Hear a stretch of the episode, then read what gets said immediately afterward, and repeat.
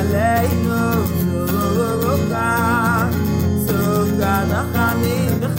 שלום לכולם וברוכים הבאים לעשר דקות של עיון בענייני סוכה. האם יש מצווה לבנות סוכה? באחרונים יש דיון נרחב ודיוקים ממקורות שונים לכאן ולכאן בנוגע לשאלה הזו, האם יש איזושהי מצווה ברמה כלשהי, גם אם לא ממש חיוב, בעצם בניית הסוכה. ברור שאדם לא מגיע לסוכות ככה בלי להתכונן ופתאום אה, תנחת עליו סוכה מהשמיים. אבל האם מעבר להכשר מצווה, לדאגה הבסיסית שאדם אה, לפני שכל מצווה, גם כשהוא אה, צריך ליטול לולב, ארבעה מינים, אז הוא קונה לפני כן לולב. אבל זה לא אומר שבעצם קניית הלולב יש ערך, שיש איזושהי מצווה. האם ייתכן שבעצם מעשה בניית הסוכה ישנה מצווה ברמה כלשהי? אחד המקורות המרכזיים שהאחרונים מביאים בעניין הזה הוא הירושלמי. הירושלמי אומר שהעושה סוכה לעצמו אומר ברוך אשר קידשנו במצוותיו וציוונו לעשות סוכה.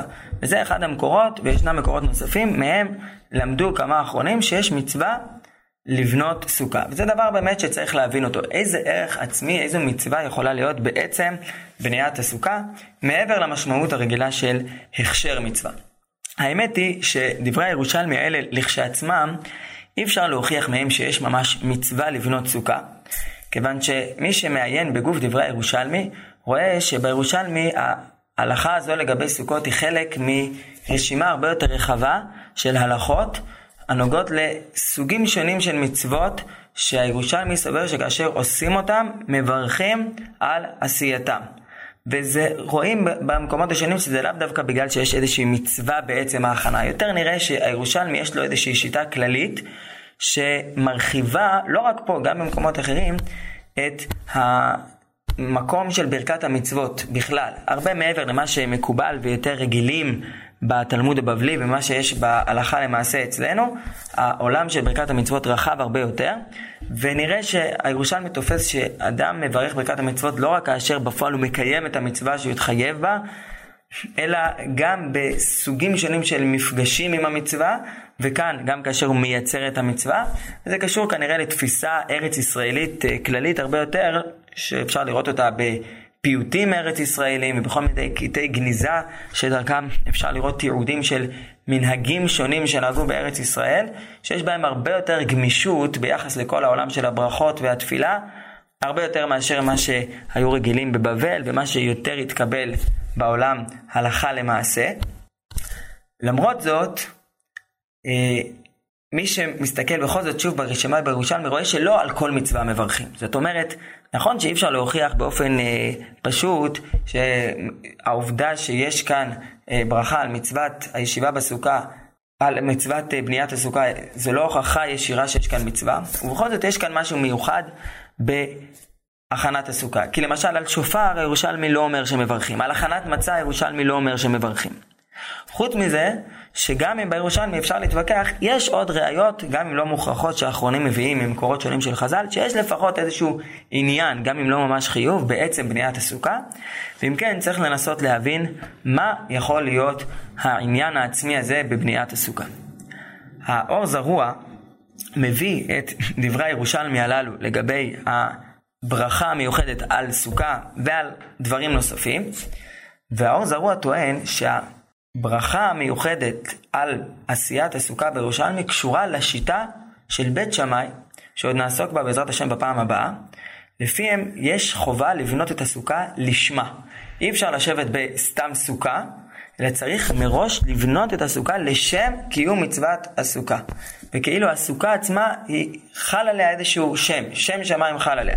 כבר הזכרנו את השיטה הזו בתוך הדיון, בתוך שיטת רבי אליעזר, והדיון בשיטה הכללית שסוכה דירת קבע באינן, והסברנו שההלכה הזו שלשמה נובעת מההבנה שהסוכה היא מעין משכן קטן שהאדם בונה אותו כתחליף לבית. האדם רוצה לא לגור בבית הרגיל שלו, בבית החולי, אלא לבנות משכן קטן שהוא מיוצג על ידי הסוכה, וזה הרצון שלו, זו השאיפה שלו, שבטי בבית השם, זה בעצם עניינה של מצוות הישיבה בסוכה, ולפי זה הסברנו מה העניין של הלשמה. בלשמה האדם בעצם בונה את הסוכה מתוך ייעוד להפוך אותה למקום קדוש. במובן הזה רואים בהחלט הבדל בין מצה לבין אה, מצה ושופר לבין סוכה. המצה אין לה איזה חלות מיוחדת של קדושה, אין בה איזשהו ייעוד מיוחד של לשמה, במובן הזה שאנחנו מדברים עליו, ובוודאי לא השופר. שופר הוא חפץ, ש... חפץ טכני שהאדם איתו יעשה איזושהי פעולה כשיגיע הזמן לעשות איתו את הפעולה. אבל בסוכות המצווה היא לשבת בבית קדוש, בבית שהקדשת אותו, בבית שהפכת אותו להיות עם השם ההלכתי המיוחד של סוכה. יכול להיות שזו הסיבה לפיה יש בעצם משהו שכבר מתרחש בשעת בניית הסוכה, כבר בזמן בניית הסוכה אדם בעצם כבר בונה את הבית הקדוש הזה, שאחרי זה הוא גם ידור בו. ואולי בכך אפשר להבין גם מדוע מברכים כבר על השלב הזה, וגם להבין מה יכול להיות הערך העצמי בבניית הסוכה, לפי השיטה הזו שבעצם כבר בשלב הזה האדם בונה בית קדוש. ואפשר לראות כאן לא רק הכשר, אלא כבר איזושהי יצירה הלכתית משמעותית.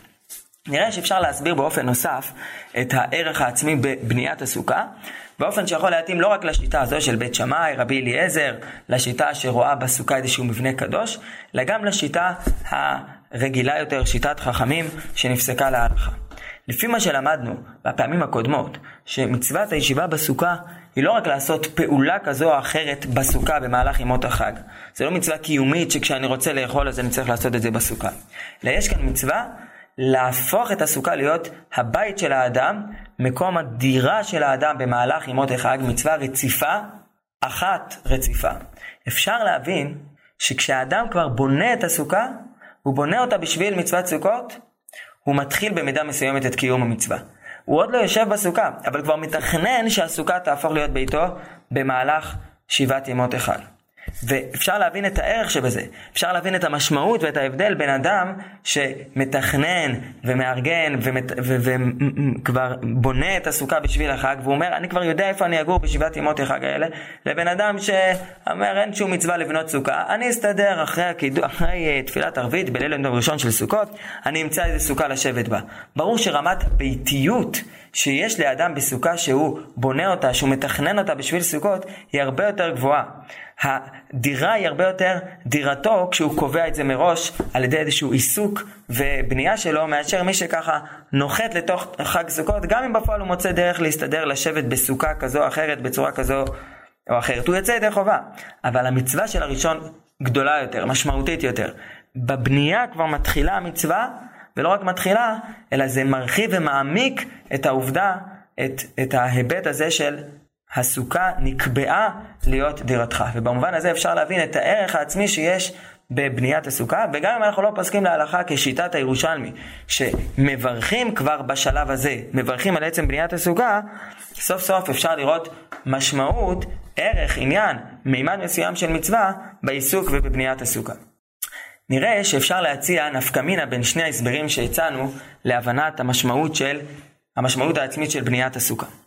לפי ההבנה הראשונה, שהדבר הזה נובע מכך שהאדם בונה את הסוכה לשמה, והוא מכיל איזה שם הלכתי, שם הלכתי שקשור לעולם של הקדושה על הסוכה לפני סוכות, ולכן יש ערך עצמי כבר בשלב הזה, ואולי זו גם הסיבה שלפי ירושלמי אפשר לברך. נראה ברור שיש צורך שאדם שיש לו יכולת להכיל את השם הזה, יש לו יכולת להכיל חלות של לשמה, הוא זה שיעשה את בניית הסוכה. דווקא אדם בר דעת, יהודי, גדול, אולי אפילו דווקא אדם שמצווה בפועל במצווה, הוא זה שבכוחו להכיל שם שמיים על הסוכה. כמו שאנחנו מוצאים גם בדברים אחרים שיש בהם דין לשמה, שלא כל אחד יכול להכיל דין לשמה. לפי השיטה השנייה, שהיא יכולה להתאים גם עם פסיקת ההלכה, שהעיקר הוא לא הכלת השם ההלכתי הפורמלי של לשמה, אלא העיקר הוא שהאדם מתכנן, יודע איפה הוא יושב בסוכות, הוא מתעסק בזה, מארגן את זה, נראה פשוט שאין צורך שהאדם יעשה בפועל את מעשה בניית הסוכה. גם אם האדם מעמיד פועל גוי, או דואג שילדים קטנים יבנו עבורו את הסוכה, הוא מקיים בזה את המצווה הייחודית של בניית הסוכה. הוא מעמיק בזה את העובדה שהסוכה היא דירתו. כי העיקר הוא התכנון, העיקר הוא הייעוד, הקביעה שנובעת מדעת האדם שהוא מתכנן איפה תהיה דירתו, איפה הוא קובע את דירתו בשבוע הקרוב.